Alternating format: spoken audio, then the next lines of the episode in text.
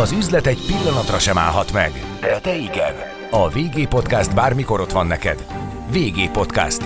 Becsatornáz a piaci hírek, pénzügyek, gazdasági trendek világába.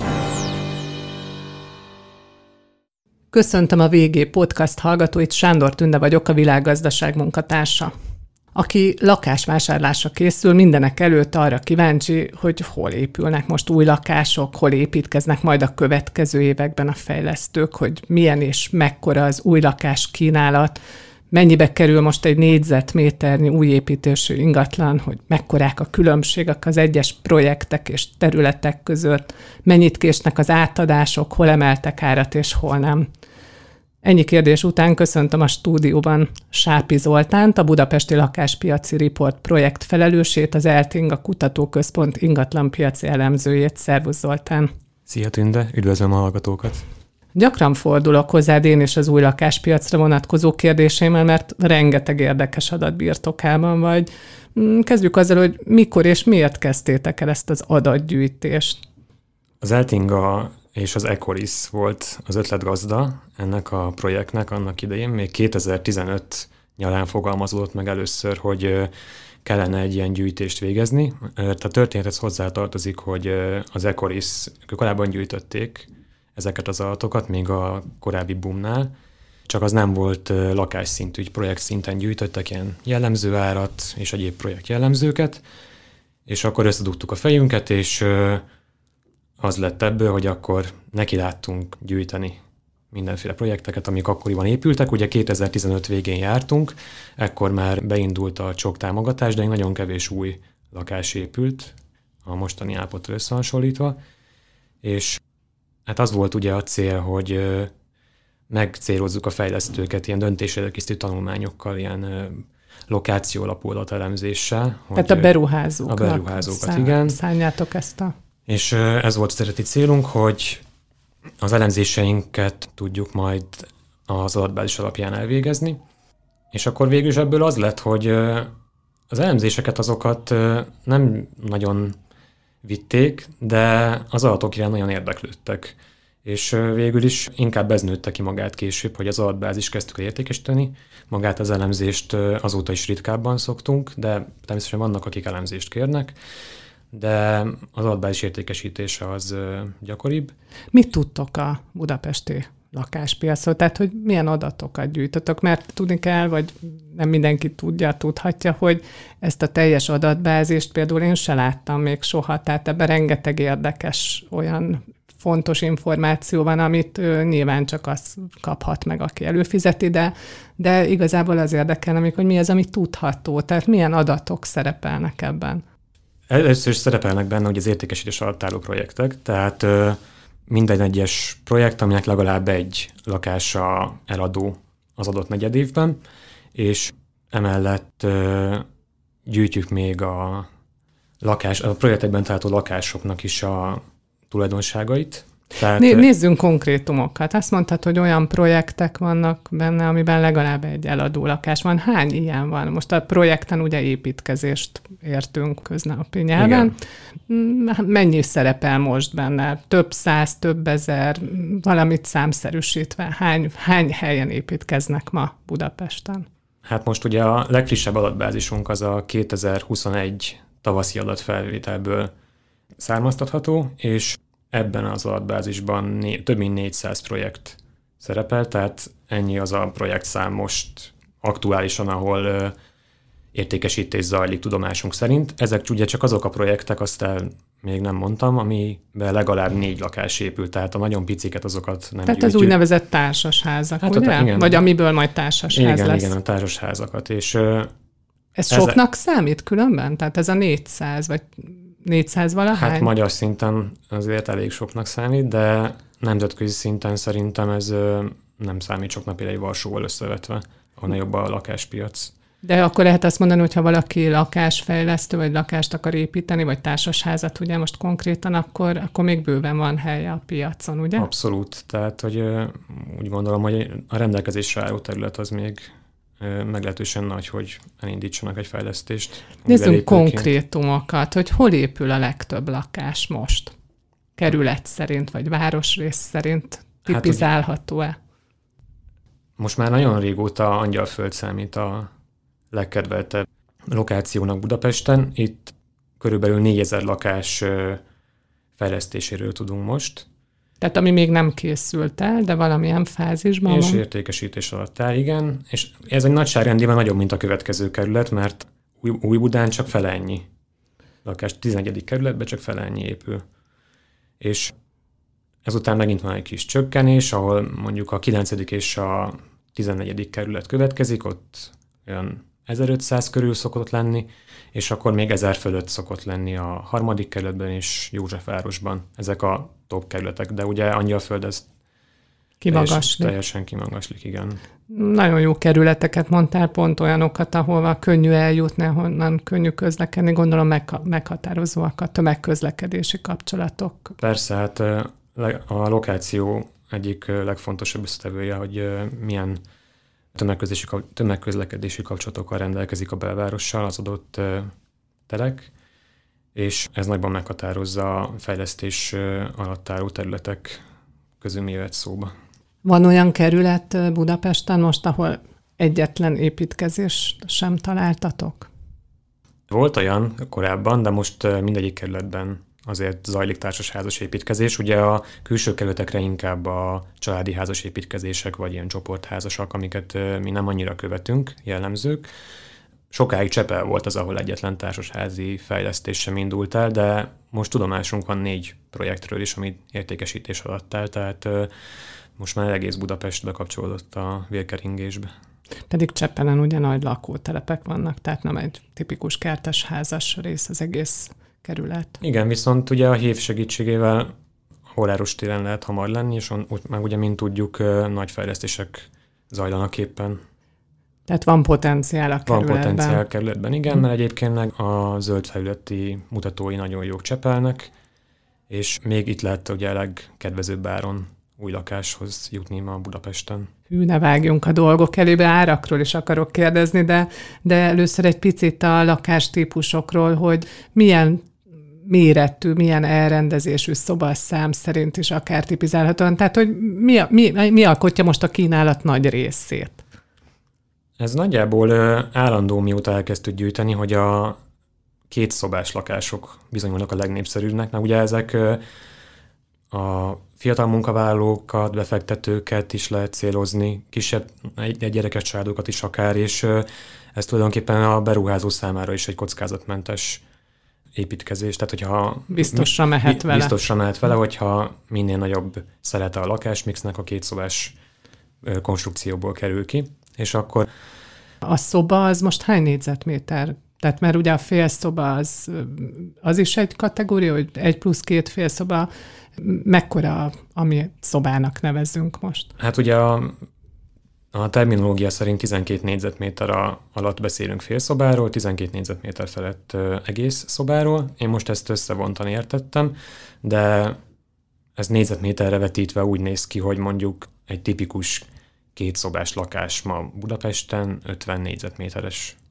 A, most ehhez viszonyítva mondjuk a egy háromszobás az 73 négyzetméteres, tehát ezek a tipikus inkább az, hogy nincs három teljes szoba, hanem valamelyik fél a háromból. Illetve gondolom egy háromszobás lakáshoz már nagyobb konyha vagy étkező konyha kapcsolódik, Persze, nagyobb igen. terasz, erké, ilyen extrák. Tényleg épülnek még erkély nélkül is lakások, vagy ma már mindegyik lakáshoz elvárás, vevői elvárás, hogy valamekkor erkély is tartozzon? Hát mindenféleképpen, főleg ugye a pandémia óta nagyon megnőtt az erkélynek az értéke, de előtte is magas volt, de ma már kész öngyilkosság szerintem erkély nélkül építkezni. Tehát azok maradnak meg leg... Hát sokkal nehezebb eladni egy erkély mhm. nélkül lakást. Emellett ugye épülnek még olyanok, mondjuk a kínálatnak a 10%-a körülbelül, ahol nincsen erkély, és akkor ezek egy részét már régebb óta fejlesztik, tehát még jóval a pandémia előtt indult el a maga a tervezés és kivitelezési folyamat, vannak Tehát egy olyan... kényszerpályán vannak. Igen, ők már nem tudnak nagyon változtatni. Utána vannak még olyan fejlesztések, ahol van megkötöttség miatt nem lehet erkét építeni, mondjuk egy régebbi épületet alakítanak át, és ugye ott mondjuk nem épült erkélyhoz nem tudnak hozzáépíteni erkét. És ugye vannak még azok a lokációk, amik önmagukat is eladják, tehát annyira prémiumak, hogy a, már a hovatartozás is egyfajta prémium érzet, ahol akár egy erkély nélkül lakás is könnyedebben, elkelt, mint egy átlagos lokációban. Említetted, hogy két szobás lakásból épül a legtöbb, az a legkeresettebb, azt a legkönnyebb eladni. Keresettek-e a garzonok? Mi látszik az adatbázisban? Van sok garzon? Vannak garzonok, igen. A szabad lakások közül viszont egyre kisebb arányban, mivel a garzonokat keresik ugye a leginkább, azokat lehet a legkönnyebben értékesíteni, ezért ezzel fogynak el leghamarabb a lakásmix, a lakásmixben. Viszont egy olyan tendencia is kirajzolódik most már az elmúlt hat évben, hogy a három-négy szobás lakások részaránya megnőtt a garzonokhoz viszonyítva, tehát a befektetők is egyre inkább a családokra optimalizálják a lakásmixet. Amik... Gondolom a családtámogatások, vagy otthonteremtési támogatások hatása lehet ez? Persze, a támogatások is ugye azt célozzák, hogy ne a befektetők vásárolják meg ezeket az új építésű lakásokat, hanem inkább a családokhoz kerüljenek. És milyen extrákkal épülnek a lakások? Mi látszik, hogy merre megy a piac, merre mennek a fejlesztések? Hát amikor elkezdtük gyűjteni, akkor az okos otthon volt a nagy sláger. Uh-huh. Ez már a talán... Ez már alap lett, vagy? Hogy okos az otthon, vagy, vagy ezek a felszereltségek? Inkább úgy mondanám, hogy egyes fejlesztők hisznek benne, mások fejlesztők meg rábízzák a vevőkre, hogy majd ők kialakítják. Mindegyik szegmensben megtalálható, tehát a luxus kategóriában is volt rá példa, hogy van okos otthon, de van is, hogy nem volt. És az ilyen standardebb, olcsóbb lakás sok között is volt, hogy az összes lakást okos otthonnál alakították ezért mondom, ez inkább fejlesztőtől függ, hogy mik a visszajelzések. A... Miben lett okos akkor? Miben lett okosak ezek az otthonok most már? Hát ugye okos hőmérsékletvezérlés, elektronikai eszközök, árnyékolás, ilyenekre kell gondolni, de itt is széles a paletta, hogy van olyan fejlesztő, aki alacsonyabb műszaki tartalommal nevez, amit okos otthonnak, valaki pedig a lehető leg up to termékeket építi be a saját műszaki állapotba. És akkor mik azok az extrák, amik ma is extrának számítanak, és hívószavak a lakáspiacon? Úgy gondolom, hogy konyhabútor és konyhagépek, ezek mindig slágerek voltak, és egy prémium fejlesztésben hozzá is szokták tenni a lakáshoz, tehát a lakásárba benne foglaltatik maga a bútorzat és a beépített gépek.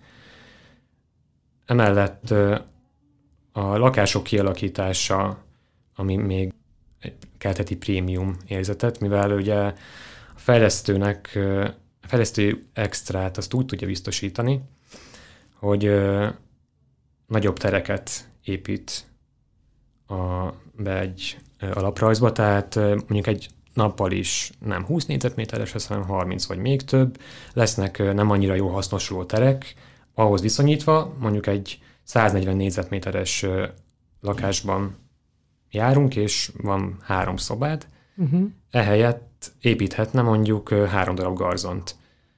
És ugye ez egy prémium bérzet, mert egy kisebb lakásszámú társasház az mindig egy magasabb minőséget képvisel, mint egy garzonokkal tele zsúfolt fejlesztői profit maximalizáló társasház.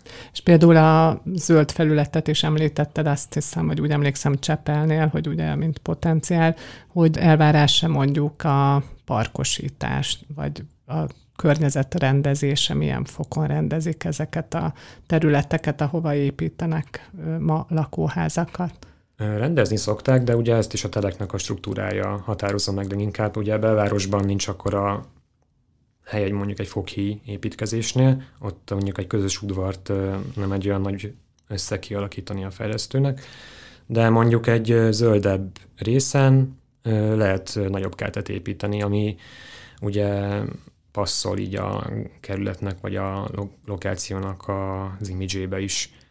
És ugye közösségi tereken lehet mindenféle jópofa extrát kialakítani, mondjuk ilyen barbecue-s, közös helyiséget, vagy ugye gyerekesekre gondolva játszóteret, ezek mind ilyen hívószóként működnek, mondjuk egy családbarát fejlesztésnél. Vannak ilyenek, hogy mosókonyha, vagy dolgozó, közös dolgozótér, ilyen közösségi iroda, jut eszembe pontosan a megfogalmazás, tehát hogy új, új igényeket is támasztott ez a pandémia, ami gondolom, hogy később jelenik meg egész pontosan a fejlesztésekben, mert mennyi idő alatt épül föl mondjuk egy ilyen lakóház, mi, a, mi az általános, hogy látszik az adatbázisból? Hát a kisebb társasházak azok jellemzően egy-két év alatt fel tudnak épülni, és a nagyobbakra akár ugye természetesen több időt, több száz lakásos társasházakra, ezek jellemzően két éven túl fejeződnek be.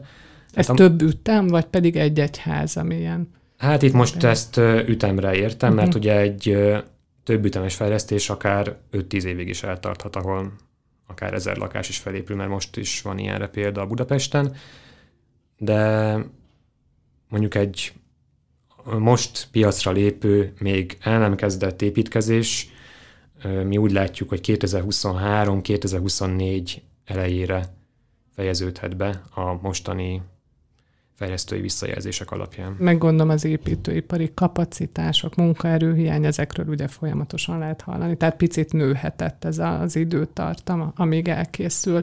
Persze, ilyenkor ugye valamennyire számba veszi a fejlesztő, hogy ezekkel is kell kalkulálni, de azért az ritkább, amikor hamarabb fejezik be a, az építkezés, mint ahogy hirdetik a Mennyit csúsznak most ezek a projektek? Mit uh, láttok az adatokból?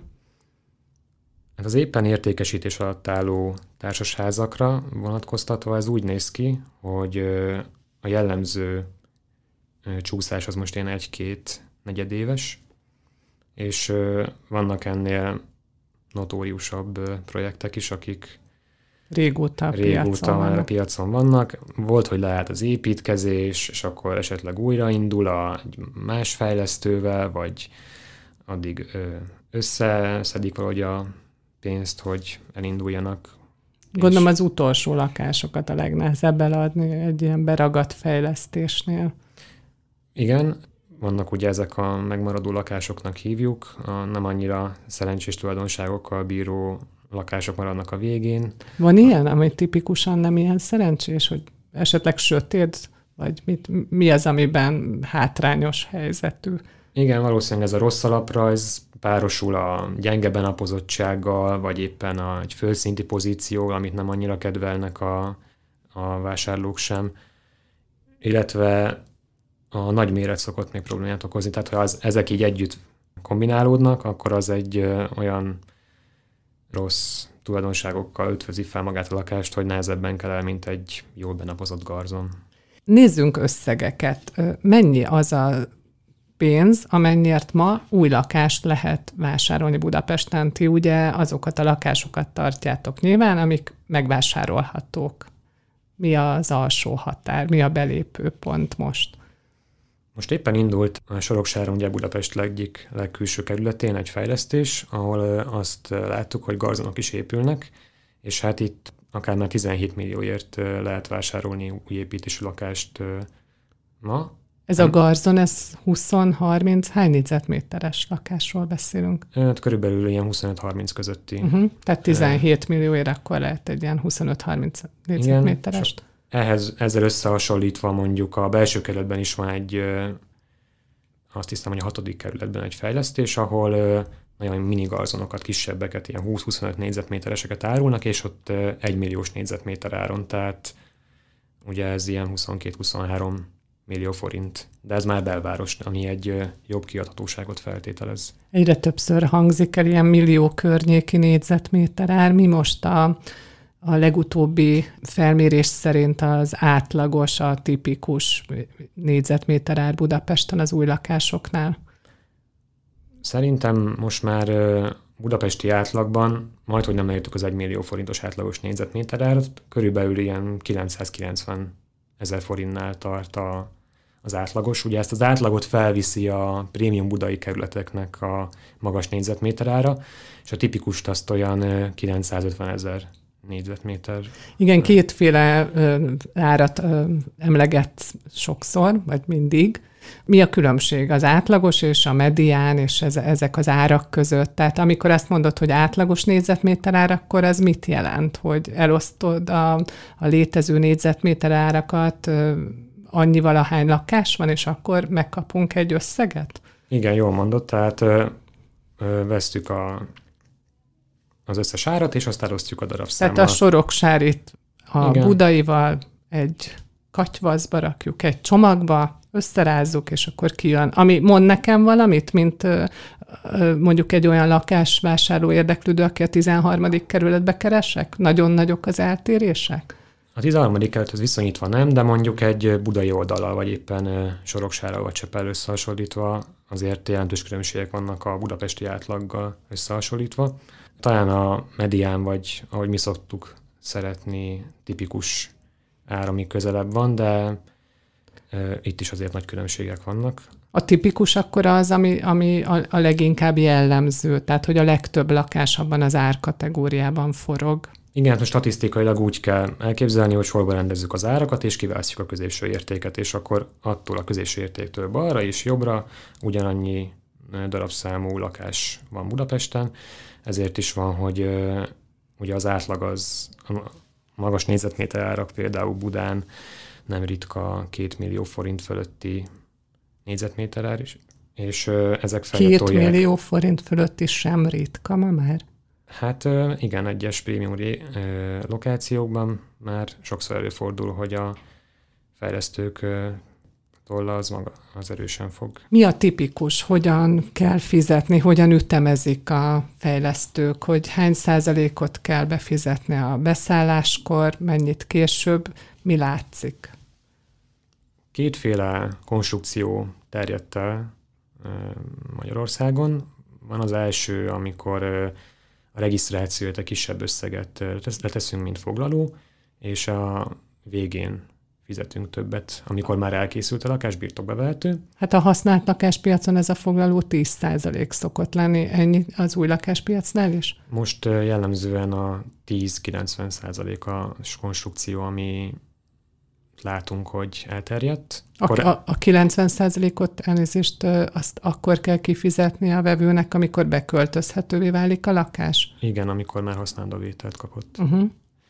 És ezzel szemben van a szakaszos fizetési ütemezés, amikor az építkezés állapotához elér egy valamilyen stádiumot. stádiumot. Igen, az építkezés, és akkor kell egy nagyobb összeget fizetnie, 20-30 százalék, valaki nagyon sok részletre bontja, valaki mondjuk csak négy részletre, de nem, nem ez a kettő részlet van, mint az első esetben. Jelez ez valamit a fejlesztőről, hogy hogyan kéri az ütemezést? Gondolok itt arra, hogy ha mondjuk 10%-ot kér, akkor nem az én pénzemből fejleszti, tehát biztonságban érezhetem magam, de hogyha már a nagy részét ki kell fizetni a lakásnak azelőtt, hogy beköltöznék, most vevői szemszögből nézem, akkor, akkor beleragadhat valaki. Tehát, hogy arra gondolok, hogy a nagyobb fejlesztők esetleg nagy vonalúbban kezelik ezt, a kicsik meg igyekeznek a vásárlók pénzéből előfinanszírozni a fejlesztéseket? Igen, ez egyfajta biztonságot ad, tehát a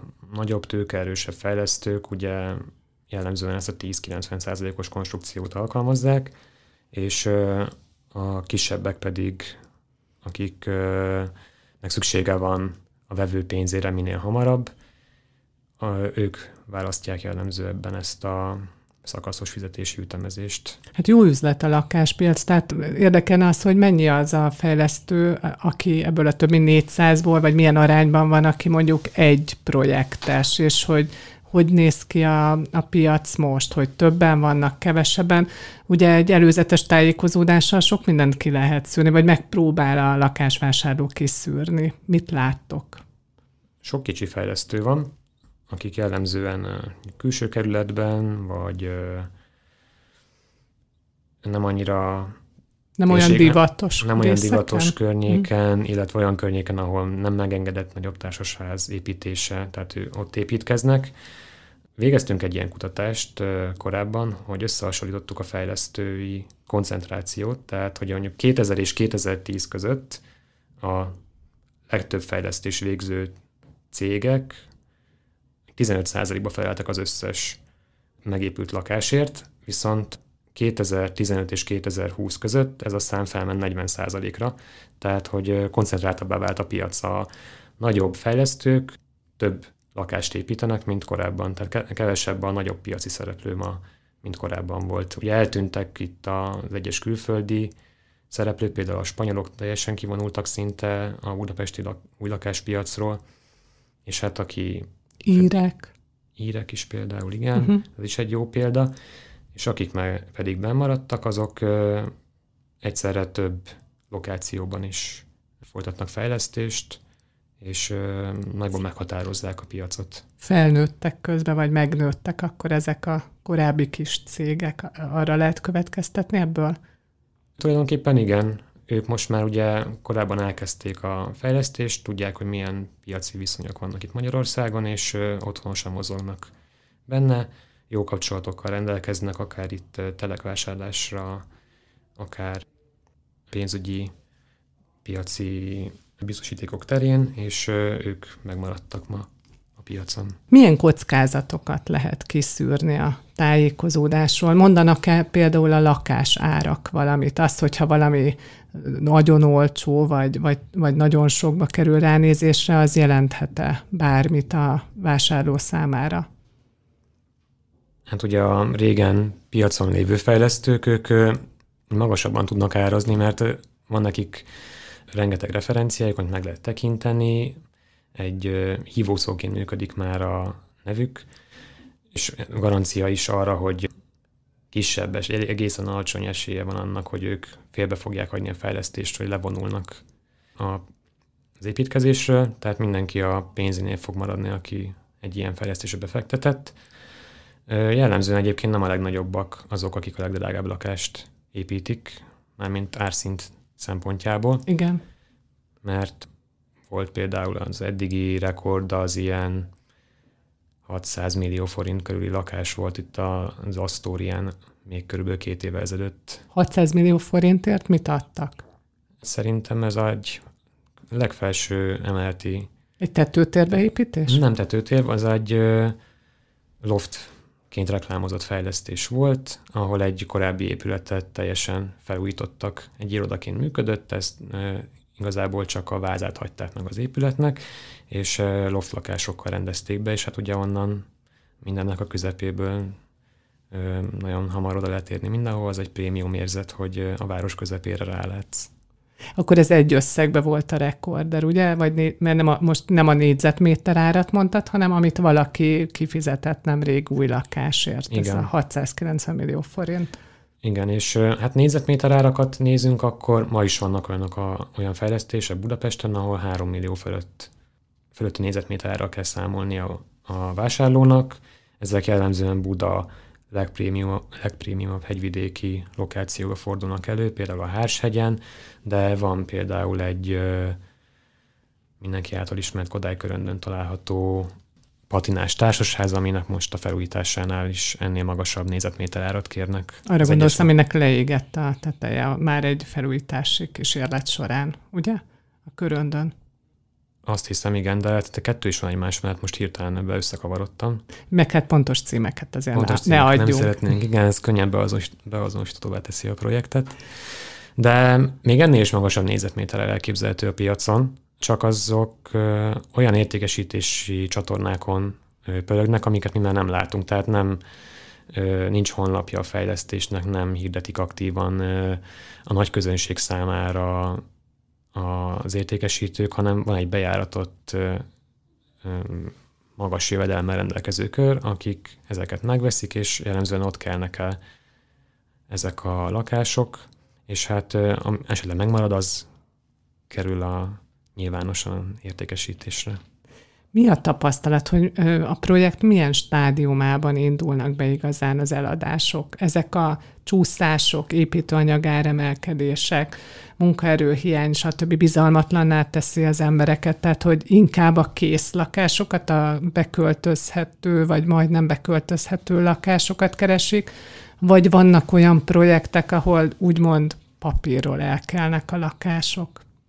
Ú, ezt nagyon sok minden meghatározza, mert ugye legfőképpen a lokáció, maga a lakásmix és maga az árazási stratégia, ami meghatározza ezeket a milyen sebességgel, mely stádiumban kellnek el az új lakások. Ugye nagyon exkluzív lokációban például ott jellemzően nagyon hamar elmennek a nem irreálisan magas áron kínált lakások, tehát ugye olyan helyekre kell gondolni, ahol általában nincsen fejlesztés, most is például Újlipótvárosban azt hiszem, hogy egyetlen fejlesztés van, tehát ezek tehát a... valaki ott szeretne vásárolni, és akkor Annak most van egy lehetősége, igen, igen, nem, most lehet, hogy akkor 5-10 évig megint nem lesz, mert egyszerűen nincsen szabad telek, és ő be fog szállni, hogyha neki új építésű lakás kell Újlipótvárosban. És ugye a lakásmix kapcsolatban azt lehet elmondani, hogy ha sok kicsi lakás épül, akkor igazából azok gyorsan elkelnek, akkor is, hogyha a lokációs nem annyira top, vagy pedig magasan árazott, de hogyha sok magas, nagy alapterületű lakás van a portfólióban, ott számíthat jobban, hogy milyen áron lép a piacra, illetve mikor.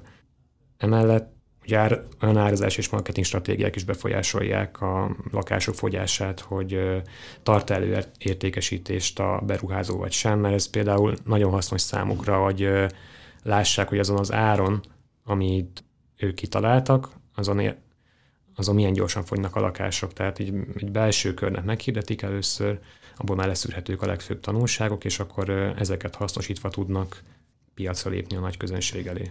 Kicsit hasonlít ahhoz, mint amikor valaki meghirdeti az egyetlen lakását, és hogy jelentkeznek rá, hogy sikerült-e belülnie azt az árat, amit a piac megfizet érte, ugye? Abszolút, ugyanerről van szó, tehát próbára kell tenni. Hogyha magas, tehát ha sokan érdeklődnek, akkor valószínűleg alacsony áron hozta ki a projektet. Akkor lehet emelni rajta. Akkor lehet emelni, amikor majd felteszi a honlapra az árakat, és ha meg nincsen egyetlen érdeklődés rá, akkor valószínűleg valami félrement, és túl sokat szeretett volna, ilyenkor lehet korrigálni. Szoktatok átárazásokról is statisztikát közölni, esetleg olyan projektekről van ilyenkor szó, mikor valaki árat csökkent, ami beragadt, és ha árat emel, akkor pedig olyanról, ami túl jól fogy a várakozásokhoz képest, ez azt jelzi? Igen, előfordul az, hogy projekten belül is akár különbséget tesznek a fejlesztők, tehát mondjuk a felsőbb szintek lakásai jobban mennek, akkor azokat ugye jobban emelik egyik hónapról a másikra. Ezzel ellentétesen pedig, amikor látják, hogy bizonyos lakástípus nem annyira kerendő, ott lejjebb viszik az árat. Inkább egyébként az szokott a jellemző lenni, hogy projekt szinten mozognak az árak, tehát most is ugye az építőanyag, építőanyagok magas ára miatt sokan kényszerülnek az árakon emelni, ilyenkor nem differenciál a fejlesztő, hogy most a kicsiket jobban emeli, vagy a Tehát elkezdett vastagabban fogni a ceruzájuk, vagy inkább mondhatjuk, hogy kénytelenek átárazni ezeket a lakásokat az emelkedő költségek miatt. Egyre több ilyen van akkor ezek szerint, ha jól értem. Igen, hát akinek szűkösebb a költségvetése, nem fog kijönni a matek, tehát kénytelen lesz fejebb vinni az árakat, ezáltal mi is azt várjuk a közeljövőre, hogy újra emelkedni fognak az árak, annak ellenére, hogy ugye áfacsökkentés volt a szektorban, tehát Tudnál e- valamit prognosztizálni, hogy körülbelül milyen százalékra számít az áremelkedésre?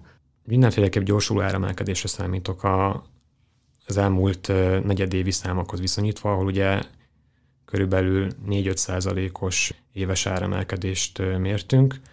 Ez már jelentkezett az év elején is, ez a gyorsulás, ugye? Igen, már láttuk, hogy a decemberi felméréshez összehasonlítva, ugye februárra volt egy kisebb emelkedés, és februárról májusra pedig egy jóval nagyobb. Ha összehasonlítjuk az adatbázis kezdetét, tehát a 2016-os évet a mostanival, hogy mennyi volt öt éve a jellemző négyzetméter ár, nagyobb volt-e a kínálat, illetve hogy miben más a jelenlegi lakáspiac, mi változott meg igazán az elmúlt öt évben? Hát egészen más volt, amikor elkezdtük a felmérést, mivel egy olyan piac szóval találkoztunk, ahol ö, elég kevés fejlesztés volt, és az új, fe, az új ö, projekteket viszonylag hamar kiárulták a fejlesztők, mert ö, ugye annyira hiány volt új építésű lakásból, és kezdett ugye a gazdaság teljes, ö, felpörögni, hogy ö, iszonyat gyorsan elmentek. Tehát az értékesítés sebesség az jóval gyorsabb volt, mint napjainkban. És ugye hát az árak is teljesen mások. Hát egy átlagos újépítési lakás 2016-ban 560 ezer forintba került négyzet, egy négyzetméterre, és Majd, ez, ez már, a fel, már a felkúszott ugye 990 ezerre. És kúszik tovább. Kúszik tovább, igen. Hát egy tipikus lakásra vetítve ez olyan 35 és 55 millió forint volt, tehát mondjuk olyan 20 millió az, amivel ennyi év alatt nőtt. Elképesztő számok ezek, egy átlag fizetéshez viszonyítva. Igen, hát a, ugye a használt lakások ára is nőtt, az még jobban. Ugye az új építésű az alapból egy magasabb árszintről indult, tehát ez egy 75%-os növekedés azért nem kicsi. Ez egy európai szinten is kiemelkedő érték volt. Akkor a bejelentett fejlesztéseket nézve, már amit láttok, tehát a csőben van, azt lehet látni, hogy egyre nagyobb lesz a választék az új lakáspiacon, tehát egyre több épül, meglódult az építési kedv? Most mindenféleképp meglódult, ugye, mert egy jelentős korlátozási tényező volt maga a 27%-os új lakások után fizetendő áfa. Ezt ugye kifejezették ideiglenesen, és ezáltal, ezáltal... És ez már látszik is az adatokban? Igen, ez már megmozgatta a piacot, mivel több olyan projekt is volt, ami éppen emiatt állt, mert vártak arra a beruházók, hogy most mi fog történni, megmarad ez a 27% vagy lecsökkentik 5%-ra, esetleg valami köztes értékre, és addig nem akarták kihozni ezeket az új fejlesztéseket, és hát ugye januártól ö, újra 5%-ot kell fizetni, ezáltal ö, elkezdték újra elárasztani a piacot a, a fejlesztők új építésű lakásokkal. Legutóbbi, tehát meg szoktuk azt is nézni, hogy éppen adott ö, negyed évben mennyi lakás értékesítése indul el újonnan, és utoljára talán két éve, vagy 2018-ban volt ilyen magas szám mint ami most tavasszal jelentkezett. Tehát berobbant a kínálat. Mondhatni berobbant, igen. Bejelentették a Zöld Otthon hitelprogramot, ami egy nagyon-nagyon kedvező kamatozású hitel lehetőség, és kifejezetten új lakás vásárlásához. Viszont van egy megkötés, hogy csak a BB energetikai besorolású lakásokra vehető majd igénybe. Hogy az épülő és a megvehető lakások mindegyike ilyen most mi, mi látszik az adatokban, hogy a, a, amit kínálnak, értékesítésre kínálnak, azok mindegyikéhez felhasználható, vagy vannak olyan lakások még a kifutó vagy beindult projektekben, ami, ami nem felel meg ennek az előírásnak? Ugye ez a BB energetikai tanúsítvány, energetikai követelmény, ez mostani állapotok szerint 2022 nyarától kötelező, kötelező tehát hogy a Azután már csak olyan lakás kaphat használóvételi engedélyt, ami, ahol ez a BB energetikai tanúsítvány rendelkezésre áll, és emiatt még az elég sok CC lakás van Budapesten. Ezeket nehezebb lesz akkor értékesíteni? Nem feltétlenül szerintem, mert ez a CC minőség is már egy akkora ugrása a mai átlagos energetikai viszonyokhoz itt Magyarországon, amint hogy a használatot és az újat egybevéve, hogy nem látom annyira a különbséget vevői szempontból.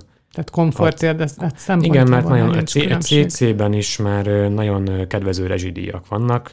Ahhoz képest ugye a BB, amivel többet tud, hogy kicsit magasabbak az energiakövetelményei, illetve ami a legfontosabb, hogy a, az energiaigénynek 25%-et megújuló energiaforrásból kell biztosítani. Tehát én nem látom, kevesebb a hozzáadott érték egy BB-re, tehát CC és BB között, mint mondjuk egy átlagos használt és CC között. Uh-huh. Tehát már nem, nem okoz akkor a minőségi ugrást ez a váltás. Én úgy gondolom, hogy nem. Hát ugye vannak még ugye az AA, egy abszolút, abszolút top minőség, AA++. Ilyenek is vannak a Ilyenek projektekben? A, vannak, de ez a kisebbséget jelenti. És ugye amit látunk, hogy ami még értékesítés alatt áll projekt most Budapesten, abban a túlnyomó többsége mondjuk a lakások kétharmada az még CC-s. Ezeknek az egy részét már ugye megvásárolták, tehát nem tudnak mit tenni. Igen. És a BB aránya az mondjuk ilyen 20% körüli lehet, és akkor a CC-nek, ugye ennél följebb pedig 10%. Tehát ez, ez a legmagasabb kategória, amit 10% ez az AA. Viszont a, ezek azok ugye, amik ö, meg fognak épülni 2020 tehát ezek már meg megépültek, ezek befejezettek, és ugye az épülő vagy tervezettek között viszont már a nagyon nagy többségben szerepelnek ezek a megújuló energia megújuló energiaforrások, például ugye a hőszivattyú, ami nagyon jellemző, vagy egy távhő, és ugye ezt azt prognosztizálja, hogy ezek a fejlesztések már 2022 nyár utáni befejezést céloznak. Tehát akkor gyakorlatilag hamarosan az összes lakás, amit árusítanak, mert 2022 nyara után készül el, az már mindenképpen ezzel a hitellel megvásárolható lesz, mert kötelezően BB és energetikai besorolású. Hát remélem, hogy elég sok mindenre választ tudtunk találni. Nagyon köszönöm, hogy eljöttél, és akkor további jó kutakodást kívánok. Szervusz! Köszönöm szépen a lehetőséget, szia! Üzletre hangolunk. Régi Podcast.